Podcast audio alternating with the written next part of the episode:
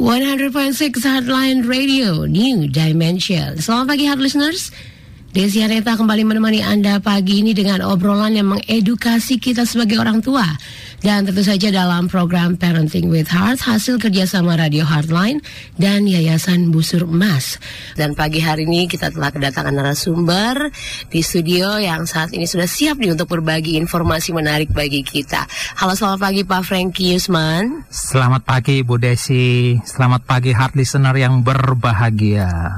Apa kabar nih Pak Frank ini di hari yang cerah ya? Belum hujan ya, masih cerah ya? Luar biasa ya. Uh-huh. Ya, kita bersyukurlah semua semua sudah Tuhan berkati, Tuhan pimpin ya. Uh-huh. Semua berjalan dengan baik, sukacita, sehat semuanya. Iya, amin ya. Dan hard listeners pagi hari ini kita akan membicarakan topik membangun daya juang anak. Kenapa membahas topik membangun daya juang anak? Karena belakangan ini seperti yang kita lihat, anak-anak itu mungkin terbiasa di assist atau dibantu nih ya dari kecil dengan neninya atau mungkin dengan orang tuanya. Jadi kita lihat daya juangnya kurang nih, nggak seperti zaman-zaman kita nih ya Pak ya. Betul. nah betul, itu sebabnya kenapa diangkat topik ini pagi hari ini. Silakan Pak Franky. Ya, Bu Desi, terima kasih. Uh, saya kira ini satu topik yang sangat luar biasa sekali ya, sangat penting sekali ya. Bagaimana kita membangun daya juang anak ya. Mm-hmm. Ya, saya banyak mendapat masukan ya.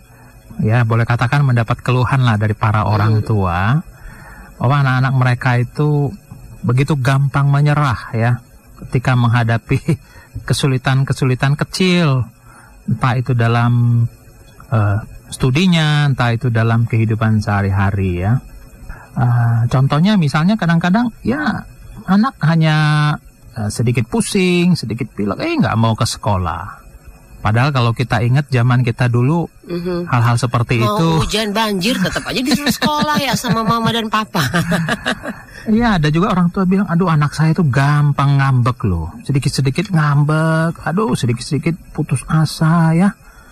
Minta apa kalau nggak dikasih, wah dia ngambek gitu loh. Ya minta ini, minta itu, ya kadang bisa marah-marah ya. Uh, ada juga orang tua yang mengatakan, wah anak saya itu gampang mengeluh. Kalau ada hal-hal kecil di luar keinginan mereka, di luar kebiasaan ya, di luar rencana, mereka mengeluh ya. Ini contohnya katanya, wah biasa diantar, tiba-tiba ada satu lain hal nggak bisa diantar, wah nggak sekolah deh. nah banyak contoh-contoh yang lain lah ya. Jadi situasi sekarang anak-anak itu memang kelihatannya gampang sekali uh, menyerah, gampang mengeluh, gampang ngambek ya.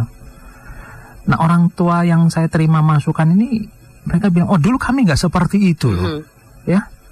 Dulu kami menjadi anak-anak uh, tantangan rintangan juga nggak sedikit ya tapi kami tetap bisa jalani dengan baik. Kami tetap bisa eksis sampai hari ini. Nah, mereka beranggapan bahwa ya anak-anak sekarang memang beda dan tidak seperti yang diharapkan oleh orang tua. Anak-anak sekarang itu kurang fighting mm-hmm. spiritnya. Nah, itu masukan-masukan yang saya sering terima dari orang tua ya. Uh, nah, pada kesempatan yang baik ini kita akan membahas satu tema eh, bagaimana kita membangun daya juang anak yang kita kenal dengan istilah uh, dalam bahasa Inggrisnya disebut dengan adversity quotient. Mm-hmm. Nah, sering kali kita dengar istilah IQ ya. Yeah. IQ itu intellectual quotient yaitu kecerdasan intelektual ya. Mm-hmm uh, biasa diukur dengan ya bagaimana uh, orang ini punya kepintaran, punya pengetahuan, ya, punya daya ingat yang baik dan sebagainya.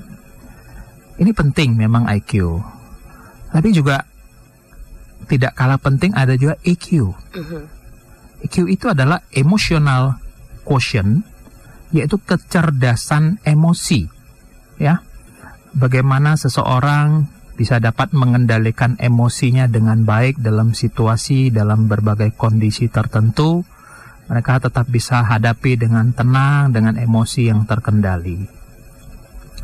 Nah, tapi yang tidak kalah pentingnya adalah seseorang itu harus memiliki yang disebut dengan AQ atau adversity quotient Mhm. atau kecerdasan daya juang, ya. Itu kecerdasan yang dimiliki oleh seseorang untuk mengatasi kesulitan. Dan dia sanggup untuk bertahan dalam hal-hal yang dia hadapi. Mungkin itu tekanan, mungkin itu masalah. Dalam hal ini dia tidak mudah menyerah dalam menghadapi setiap kesulitan hidup. Mhm. Jadi bicara tentang adversity quotient ini adalah ketangguhan, ketenangan dan daya tahan atau ketahanan seseorang ketika dia menghadapi berbagai tekanan masalah atau kemampuan dia menghadapi peristiwa yang tidak menyenangkan dan situasi yang penuh dengan tekanan. Mhm. Nah ini saya kira penting sekali pada saat ini. Ya karena kita hidup ya Bu Desi ya di tengah Mhm. situasi dan kondisi zaman yang eh, sangat kompetitif sekali pada Iya, hari-hari ini betul. ya. Saya ingat mau tidak mau tekanan demi tekanan itu Mhm. pasti Selalu, terjadi. iya, selalu terjadi ya. Iya. Nah ini sangat penting sekali kalau kita lihat anak-anak sekarang memang kalau dibandingkan dengan kondisi uh, orang tuanya pada saat dia menjadi anak-anak, uh, mereka merasakan ada satu perbedaan uh, daya juang yang dimiliki. Mhm. Oke. Kalau seperti ini nih Pak Franky, Iya. eh, daya juang anak nih ya atau Iya. daya juang orang nih. Iya. Ada berapa tipe sih eh, dari setiap anak menghadapi suatu tantangan atau daya juang masing-masing itu ada tipe apa aja Pak? Nah kalau kita bicara bagaimana uh, daya juang uh, seseorang ya, katakanlah Mhm. termasuk anak-anak dalam hal ini ya, uh, itu ada tiga tipe, Bu Desi ya. Mhm. Uh, ada ti- tiga tipe orang dalam menghadapi satu tantangan atau satu permasalahan. Uh, yang pertama disebut dengan tipe quitters. Wow, quitters. Quitters, quit ya. Ya, mudah-mudahan tidak ada yang seperti ini nih ya. Quit, quit itu artinya uh, bisa berhenti, bisa Mhm. keluar Iya, ya, iya. bisa menyerah ya. Nah tipe yang pertama ini adalah orang yang ketika menghadapi permasalahan dia menyerah Hmm. atau dia berhenti ya. Dia menjauh dari masalah itu. Bahkan dia punya rasa takut, rasa khawatir lebih kuat daripada keinginan dia untuk bertindak menghadapi masalah tersebut. Nah, saat orang seperti ini melihat eh, kesulitan, dia memilih akan mundur, nggak berani menghadapi Oh, Oke. tantangan seperti Sebelum ini. nyoba nih langsung mundur ya. Iya. Oke. Jadi ini tipe orang yang pertama ya. Mhm. Ketika dia menghadapi segala sesuatu, dia hopeless dulu, Iya. dia menyerah. Nah, tipe yang kedua adalah kita sebut dengan tipe campers. Mhm. Eh, asal katanya dari camp ya. Campers ini kira-kira artinya eh, ber- berkemah, jadi dia bisa stay di dalam Oke. eh, satu tempat tersebut. Mhm. Nah, tipe campers ini adalah orang yang memiliki daya juang yang baik. Hmm. ya bahkan dia memiliki kecerdasan dalam menghadapi tantangan dan masalah. Hmm. Pandai beradaptasi lah ya. Iya, ya. jadi tipe campers ini orang yang kalau ada tantangan datang, ya dia akan hadapi Hmm. dengan baik ya. Oke. Nggak seperti tipe yang uh, quitters tadi ya. Mhm. Kalau quitters itu menyerah, tapi campers ini dia akan hadapi dan tipe campers ini orang ini cukup memiliki uh, daya juang yang baik menghadapi tantangan. Mhm. Nah, yang ketiga ini yang luar biasa, Bu Desi. Yang ketiga ini adalah tipe climbers. Asal katanya dari climb. Climb itu mendaki atau memanjat ya, mendaki. Nah, tipe yang ketiga ini orang yang bukan hanya sukses mengatasi rintangan, berarti orang ini punya daya juang yang luar biasa, Mhm. tapi juga terus meningkatkan kualitas dirinya dengan mencari tantangan yang lebih tinggi, Wow. lebih baik lagi. Oke, hebat nih berarti ya.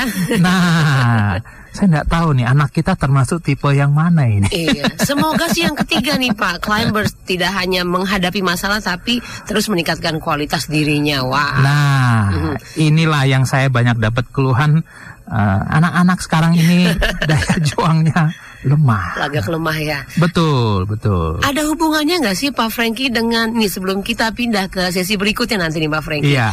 Ada hubungannya nggak dengan bagaimana pola asuh atau cara orang tua menyayangi anaknya ini dalam menjadikan anak ini terus eh, bisa menjadi tiga tipe ini nih? Ada hubungannya nggak? Yang sayang, kadang kan terlalu sayang sebenarnya mendidik nggak sih? Atau jangan-jangan sayangnya malah membuat anaknya menjadi daya juangnya lemah nih? Gimana Pak Frankie? Ya, terima kasih Bu Desi. Eh, memang saat ini kan kalau kita lihat ya, eh, umumnya orang tua itu punya anak dalam jumlah yang sedikit ya. Iya, apalagi zaman sekarang ya satu Zaman sekarang ya. biasanya ya. ada anak yang satu, ya ada yang dua. Jadi kalau tiga itu sudah agak jarang ya iya, sekarang. betul. Nah, mau tidak mau memang kita melihat situasi bahwa anak yang terbatas ini mendorong orang tua itu untuk berusaha melakukan yang terbaik. Mhm. Dia memberikan yang terbaik kepada anak tersebut. Melalui kasih sayang dan mendidiknya sedemikian rupa sehingga mereka diharapkan menjadi orang yang sukses, orang yang berhasil kelak. Nah ini yang jadi masalah Bu Desi ya.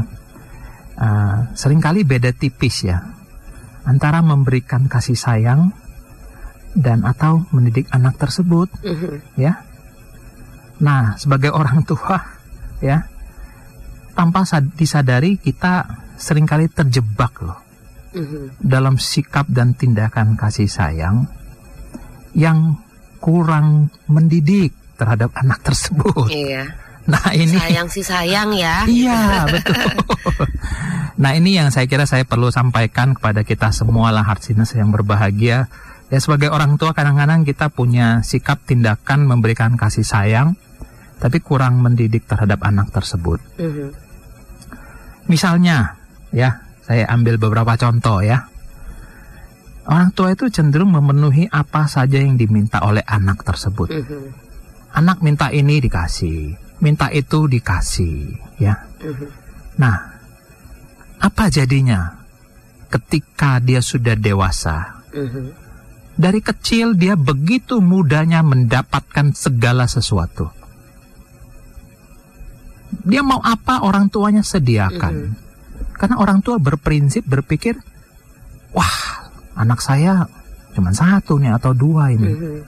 Apa yang dia minta, saya bisa kasih, saya akan kasih. Ini akan berefek ketika dia sudah dewasa.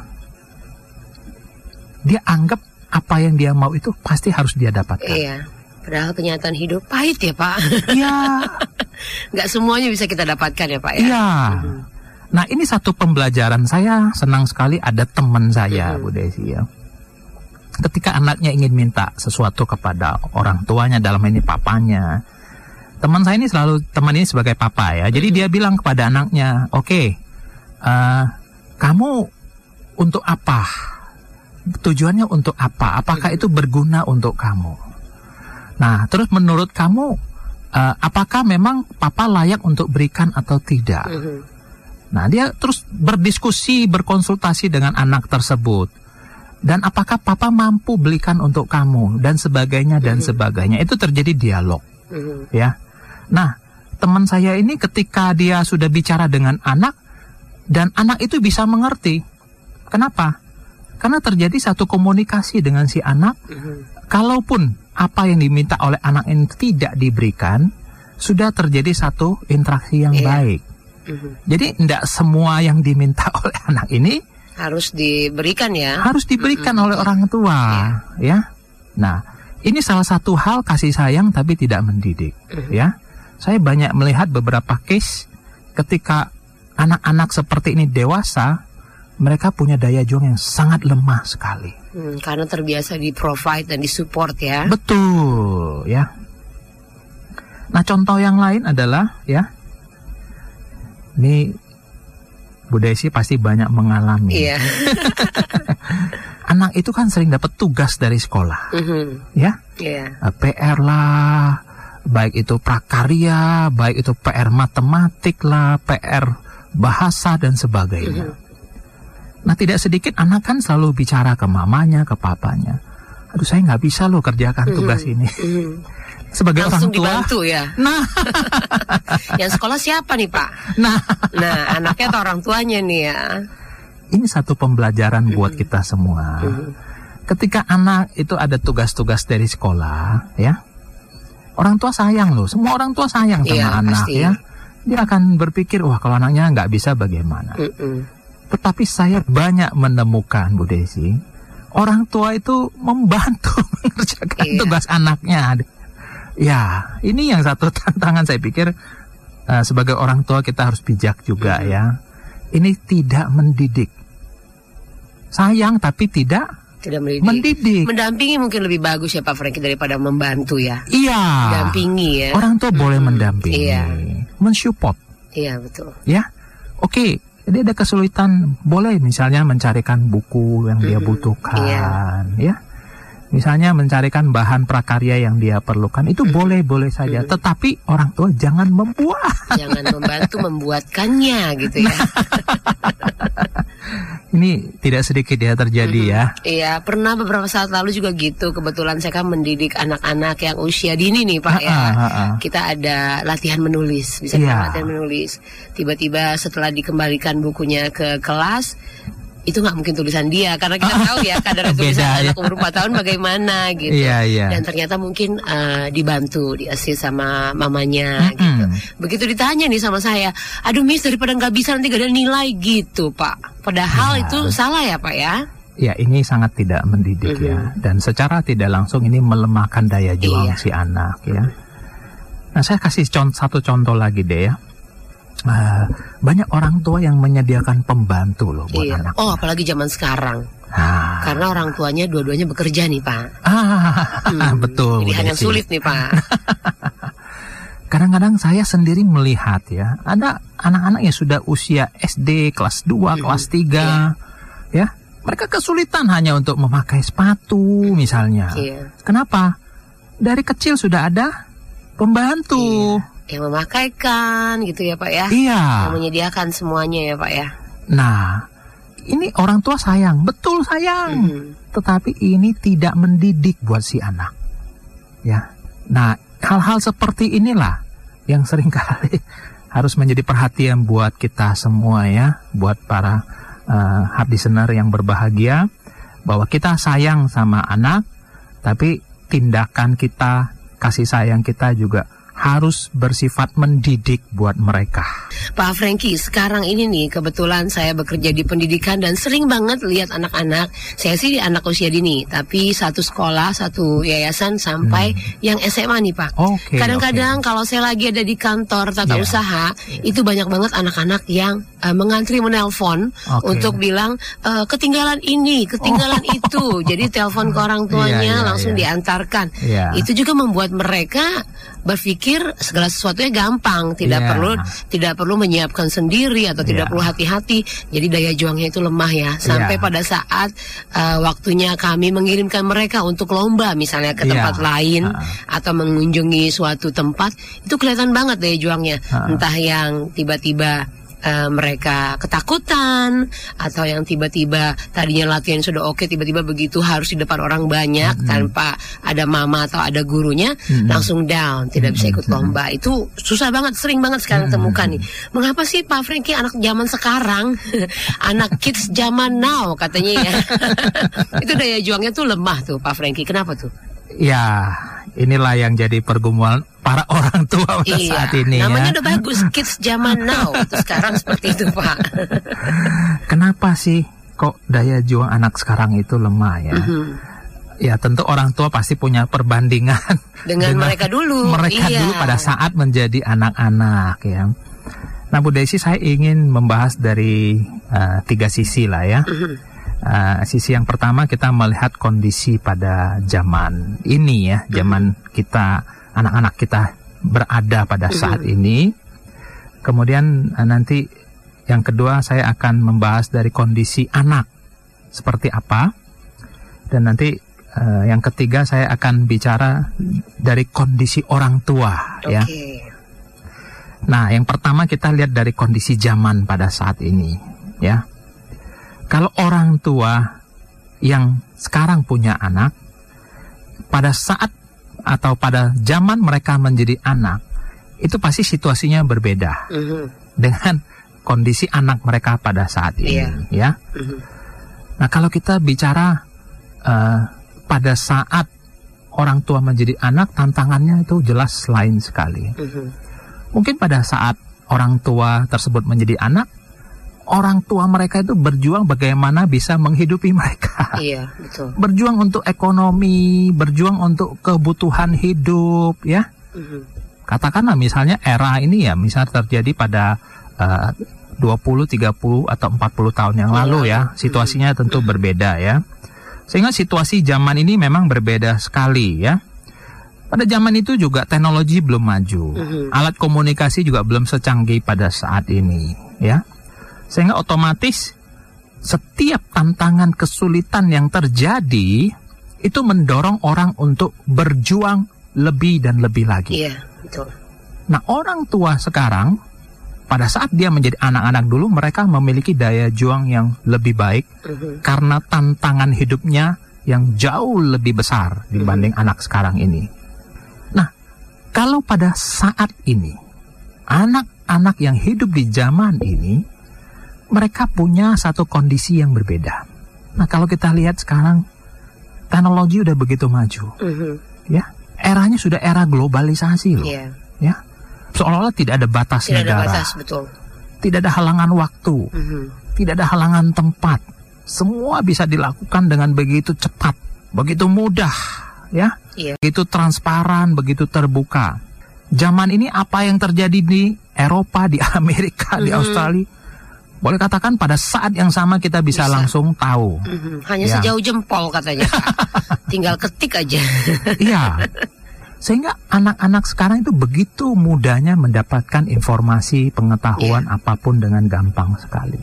Ini tidak mendorong mereka memiliki daya juang yang besar. Mhm. Berbeda situasinya, Mhm. ya. Tantangannya berbeda. Nah, orang tua dulu punya gaya hidup pun lain, Mhm. ya. Jadi kondisi zaman pada saat orang tua dulu mungkin nggak seperti anak pada saat ini Iya. ya ya mungkin orang tua dulu ya katakanlah jalan-jalan ke mall pada waktu itu belum terlalu Iya, belum. Mallnya nggak ada, Pak. nggak ada Kalau sekarang tinggal pilih setiap minggu beda-beda mall ya, saking banyaknya. nah anak sekarang mereka harus hidup dalam dunia gaul Mhm. ya mereka harus bisa berteman harus bisa bersosialisasi ya ya bukan sekedar hanya bersosialisasi di smartphone tapi dalam interaksi yang nyata Iya. antar sesama mereka perlu sehingga ini mendorong mereka harus bagaimana memiliki uh, satu komunitas yang baik ya nah ini juga membuat kehidupan mereka lebih mudah lebih gampang ya. Sehingga memang situasinya berbeda pada waktu itu sama pada waktu sekarang ini. Ditambah zaman ini ya kita melihat bahwa kecenderungan orang hidup dalam materialisme itu sangat tinggi sekali ya. Nah, di mana uh, anak-anak itu dituntut untuk bisa memiliki kebutuhan, dipenuhi kebutuhan-kebutuhannya dari para orang tua tersebut. Nah, inilah situasi zaman yang berbeda membuat memang daya juang anak-anak sekarang itu berbeda dengan kondisi pada waktu orang tua menjadi anak-anak. Iya. Jadi situasinya memang berbeda. Mhm. Tapi situasi zaman ini memang membuat anak-anak daya juangnya lemah, Mhm. gitu. Karena mereka dalam hidup dalam situasi yang nyaman, yang enak, Seperti yang mudah, Iya. gampang, ya. Iya. Ya. Itu poin pertama kita lihat dari kondisi zaman. Mhm. Nah, yang kedua, mengapa anak sekarang memiliki daya juang yang lemah? Kita lihat dari kondisi anak. Anak-anak yang hidup pada zaman ini, mereka masuk ke dalam kategori Z, Mhm. generasi Z, ya. generasi Z ya. yang sering kali diistilahkan dengan generasi digital atau Mhm. generasi virtual, ya. Jadi umumnya ya mereka lahir di atas tahun 1995 lah ya. Mhm. Nah, generasi Z ini punya ciri-ciri ya. Dia lahir dengan teknologi digital. Jadi mereka begitu mudah, begitu gampang menggunakan smartphone ya. Mhm. Entah iPhone, tablet, iPhone, iPad dan sebagainya ya. Mhm. Ya ini kita harus akui memang anak-anak canggih sekali ya. Lebih canggih daripada kita sih sebenarnya Pak. Kalau dikasih satu gadget nih mereka lebih bisa. Betul, betul. Dan anak-anak sekarang rata-rata bisa multitasking Mhm. ya. Mereka bisa melakukan sesuatu dalam waktu yang bersamaan ya. Mhm. Eh, ya mereka bisa sambil pegang handphone, Sambil belajar juga. sambil belajar Iya, juga, betul. sambil denger lagu. Mhm. ya. Nah, anak sekarang itu cenderung ekspresif ya. Mereka terbiasa untuk eh, narsis Mhm. ya. Wah, update status ya. Iya. Jalan ke toilet aja diupdate. Diupdate. statusnya. Nah, jadi mereka terbiasa eh, mendapat perhatian, terbiasa Mhm. untuk menampilkan dirinya ya. Iya. Terbiasa bicara tentang diri sendiri kepada teman-teman yang Mhm. lain melalui media sosial ya. Nah, anak sekarang ini banyak menghabiskan waktunya untuk kegiatan di media sosial. Mhm. Ya, itu diperkirakan mungkin ya lebih kurang sekitar 20% sampai 25% mereka menghabiskan eh, kegiatan-kegiatan yang berkecimpung dengan media sosial ini. Wow, itu udah besar ya Pak, seperempat dari hidupnya dalam 24 jam tuh Pak. Iya, betul. Bahkan Wow. lebih saya kira ya, bahkan bisa lebih ya. Mhm. Nah, generasi Z ini adalah generasi yang instan untuk mendapatkan informasi, Mhm. mendapatkan pengetahuan apa pun mereka sangat gampang sekali. Nah, keadaan seperti inilah yang sebetulnya mendorong mereka untuk memiliki daya juang yang lemah jadinya. Itu. Ya. Karena hidup yang serba instan, ya. Hidup yang serba mudah, ya. Nah, bahkan kalau kita lihat ini kan banyak sekali ada training, ada seminar yang menawarkan cara cepat sukses. cara cepat menjadi kaya misalnya ya. Nah, juga kemudahan hidup ya. Dan mereka tidak diajarkan bisa mandiri oleh karena situasi dan kondisi seperti Mhm. itu. Nah, ini adalah menyebabkan daya juang anak itu menjadi lemah, Bu Desi. Itu, ya. Nah, kadang-kadang juga orang tua ini kita sebagai orang tua itu uh, memberikan satu tuntutan kepada Iya. anak kita, Mhm. ya. Karena persaingan kita menuntut dan lain sebagainya dan lain sebagainya. Uh, seharusnya orang tua itu mendukung hal-hal yang positif, Iya. bukan menuntut ya. Tuntutan ini juga menyebabkan jadi anak itu punya daya juang yang lemah lemah, ya. dalam hidupnya Mhm. ya. Nah, yang ketiga kita lihat dari sisi orang tua Mhm. ya. Mengapa daya juang anak sekarang ini uh, lemah ya?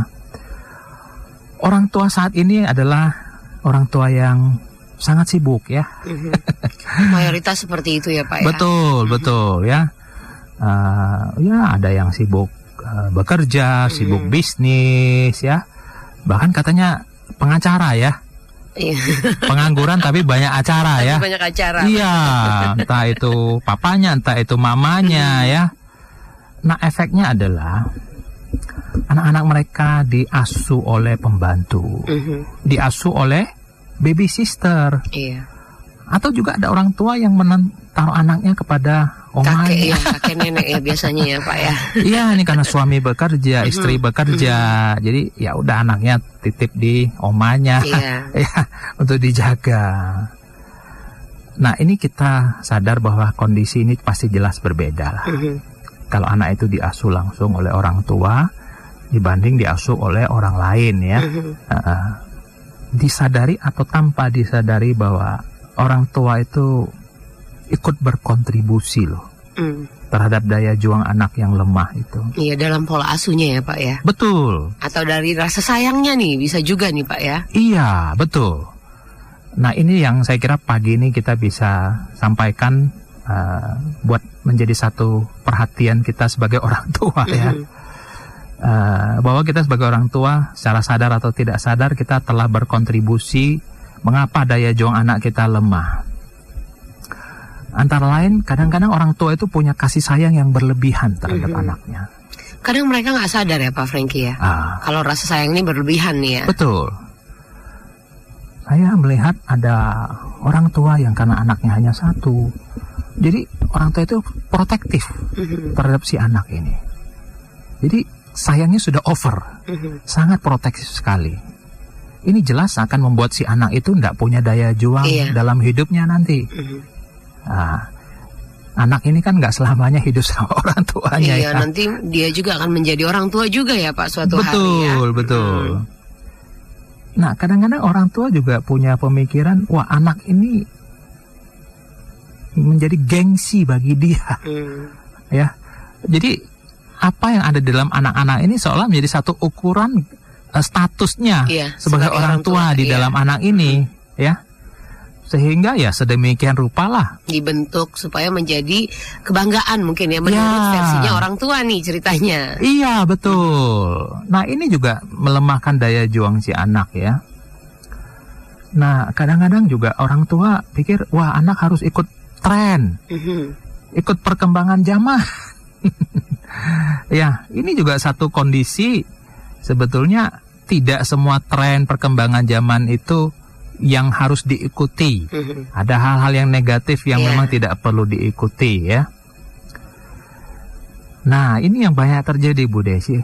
Orang tua itu tidak mau direpotkan oleh anak. Jadi anak itu minta apa ya udah kasih aja. Selesai. Mm-hmm. Gak mau ribet ya katanya ya. Gak mau ribet, ah, gak mau pusing. Punya ini udah kasih aja gitu ya. iya. Dan uh, contoh yang terakhir lagi ini ini saya sering dengar loh ini mm -hmm. satu konsep yang orang tua sering kali bicara. Mm -hmm. uh, saya sudah hidup menderita dulu. Saya sudah berjuang mati-matian. Mm -hmm. Saya itu dulu hidup susah, ya. Cukuplah. Kalau bisa anak saya itu jangan seperti saya. Hmm, oke. Okay. Anggapan seperti ini, konsep yang keliru nih Pak ya. Iya -hmm. betul, ya. Ini tidak sedikit saya dengar dari orang tua, mm -hmm. ya. Karena kita bahas tadi bahwa zaman situasinya berbeda. Yeah. Ya. Sehingga anak itu benar-benar diberi kemudahan. Dikasih instan apa, mm -hmm. semua serba mudah, serba cepat, serba gampang mm -hmm. ya. Tanpa ada satu proses perjuangan. Ini sangat melemahkan daya juang si anak mm -hmm. ya ketika ada sedikit masalah, ada sedikit tantangan, langsung menyerah. Iya. Kebanyakan tipe yang quitters berarti ya kalau terbiasa di provide alasannya iya. sih supaya tidak mengalami apa yang dialami orang tua, tapi ternyata Betul. malah membuat mereka menjadi karakter yang daya juangnya lemah ya Pak Franky. Betul. Ya? Nah, saya mau sampaikan pagi hari ini penting sekali buat mm-hmm. uh, hati senar ya dan kita yang sebagai orang tua ya mengajarkan kepada anak agar kita bisa menerima yang namanya kekalahan dalam nah, hidup ini. Iya. Nggak ini semuanya bisa tuh Pak. Penting sekali ya. Uh -huh.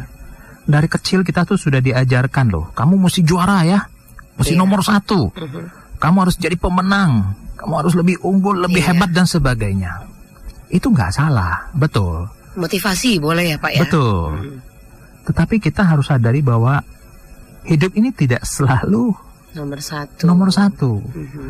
hidup ini tidak selalu jadi pemenang mm-hmm. ya ada kalanya kita harus bisa berada di urutan mungkin urutan kelima ke iya. sepuluh ke dua puluh ya mm-hmm. kita kalah dan sebagainya dan sebagainya keinginan kita nggak tercapai ya nah orang tua harus bisa mengajarkan kepada anak untuk dapat menerima kekalahan dalam tanda kutip ya yeah.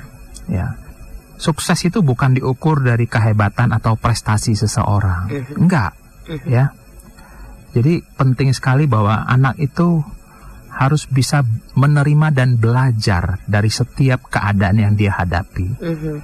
Even itu menjadi kegagalan sekalipun sebetulnya itu adalah satu hal yang positif untuk menjadi bahan pembelajaran.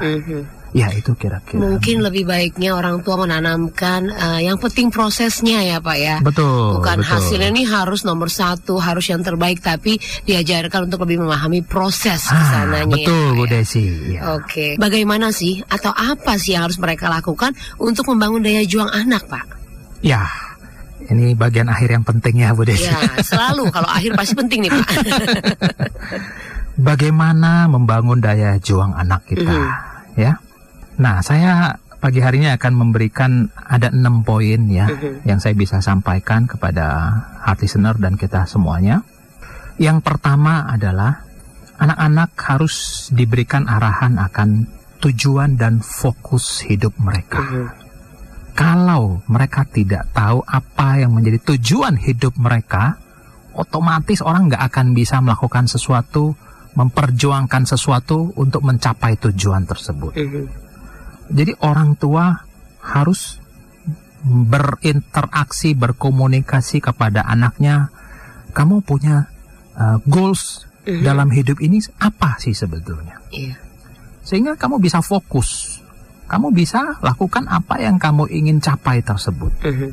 Nah, dalam hal ini sebagai orang tua, kita belajar untuk membangun rasa tanggung jawab dan disiplin. Iya, itu yang paling penting ya, Pak. Ya, Membangun rasa tanggung jawab ya. dan disiplin ya. Ini satu proses ya. Mhm. Jadi memang saya tahu tidak mudah, tapi bukan berarti tidak bisa. Nggak bisa ya. Sebagai orang tua kita mulai membangun rasa tanggung jawab dan disiplin kepada anak kita. Saya ngambil contoh ya. Misalnya anak kita kalau bangun pagi itu dibangunin atau bangun sendiri atau bagaimana? Nah, itu itu nggak disangka bisa menjadikan mereka bertanggung jawab dan disiplin ya, Pak. Betul, Bangun sendiri atau dibangunin ya. betul. Mhm. Nah, ini harus belajar bagaimana orang tua menanamkan kepada mereka. Kamu harus disiplin, bangun jam berapa. Dan itu menjadi tanggung jawabnya kamu, kamu harus Mhm, lakukan. iya. Ya. Kemudian juga anak-anak itu dilibatkan dalam pekerjaan-pekerjaan kegiatan di rumah. Mhm. Jangan karena ada pembantu semua. Iya. Jadi semua diserahkan ke pembantu. Libatkan anak-anak. Mhm. Ya, hal-hal yang sederhana misalnya habis makan cuci piring. Iya, paling tidak eh, dari yang sudah mereka lakukan sendiri ya, mungkin Iya. membereskan bukunya atau apa gitu membereskan ya, Pak, ya. kamar tidur Kamarnya, iya. ya itu hal-hal kecil harus mulai diterapkan kepada anak-anak ya ini juga mengajarkan mereka bagaimana mereka bisa memiliki daya juang dari hal-hal yang kecil ya Mhm. nah itu poin yang pertama poin yang kedua adalah tanamkan kepada anak kita sejak kecil bahwa hidup ini adalah perjuangan Mhm. Saya suka bicara itu loh sama anak saya. oh Hidup ini adalah perjuangan. iya hidup ini adalah perjuangan ya Mhm. Ya, segala sesuatu itu kita peroleh itu Iya. ada satu proses yang tadi Bu Desi Mhm. katakan. Proses. ya. Ada prosesnya, ya, dengan usaha, dengan kerja keras, dengan upaya tertentu yang kita lakukan, Mhm. dan itu tidak jatuh dari langit, Iya, harus diupayakan sendiri. tidak ya, datang Pak, ya. sendiri, ya. Nah ini yang dari kecil kita harus tanamkan kepada anak-anak kita bahwa kita hidup ini harus berjuang, harus melakukan sesuatu, harus berupaya sesuatu, dan itu yang bisa membuat kehidupan ada sampai hari ini. Mhm. Nah, poin yang ketiga adalah latih anak menghadapi kesulitan hidup. Ini yang Mhm. paling sulit. Iya, betul. Saya lihat banyak orang tua nggak tega loh. Mhm. Kalau lihat Balik anaknya, lagi ke yang tadi, saya sudah hidup susah, mati-matian, nggak mau anaknya seperti itu. Nah, iya. Jadi orang tua harus mendidik anak bahwa kesulitan dan perjuangan hidup yang akan membentuk karakter mereka ya. Mhm. Ingat, kemudahan itu cenderung akan melemahkan daya juang. Mhm. kesulitan hidup akan membentuk karakter mereka bisa orang yang berjuang luar biasa dalam Mhm. menghadapi tantangan hidup. Ya. Contohnya apa? Kadang-kadang jarak antara rumah dan sekolah tidak jauh, Diantar. Diantar. Pakai mobil. Pakai mobil. sampai depan sekolah. Kalau hmm. perlu sampai depan sampai depan. kelas kalau boleh. ya ini jadi satu pembelajaran ya. Hmm. Jadi sebetulnya uh, kembali lagi tadi yang kita bicara antara sayang dan mendidik ini dua hmm. hal yang harus matching ya. Iya. Jadi uh, saya mau katakan kepada para hati sener, latihlah anak kita menghadapi kesulitan hidup itu sangat baik sekali. -hmm. Memotivasi, mendorong mereka punya daya juang yang tinggi dalam hidup ini. -hmm. Ya. Yang keempat adalah tanamkan nilai-nilai kehidupan kepada anak kita sejak kecil, ya. Berikan motivasi dan dukungan atas usaha anak kita. -hmm. Contohnya, tanamkan nilai kejujuran, tanamkan nilai usaha dan kerja keras, tanamkan nilai uh, jangan menyontek, jangan meminta sesuatu kalau Anda bisa. Nah, ini perlu ditanamkan kepada anak value-value kehidupan. Okay. Ya. Yang kelima adalah jalin komunikasi yang baik antara orang tua dengan anak orang tua dengan teman-teman anak dan orang tua dengan teman-teman daripada uh, orang tua anak ya. Orang tua dengan guru atau orang tua dengan tokoh-tokoh yang disegani mm-hmm. yang menjadi panutan ya. Yeah.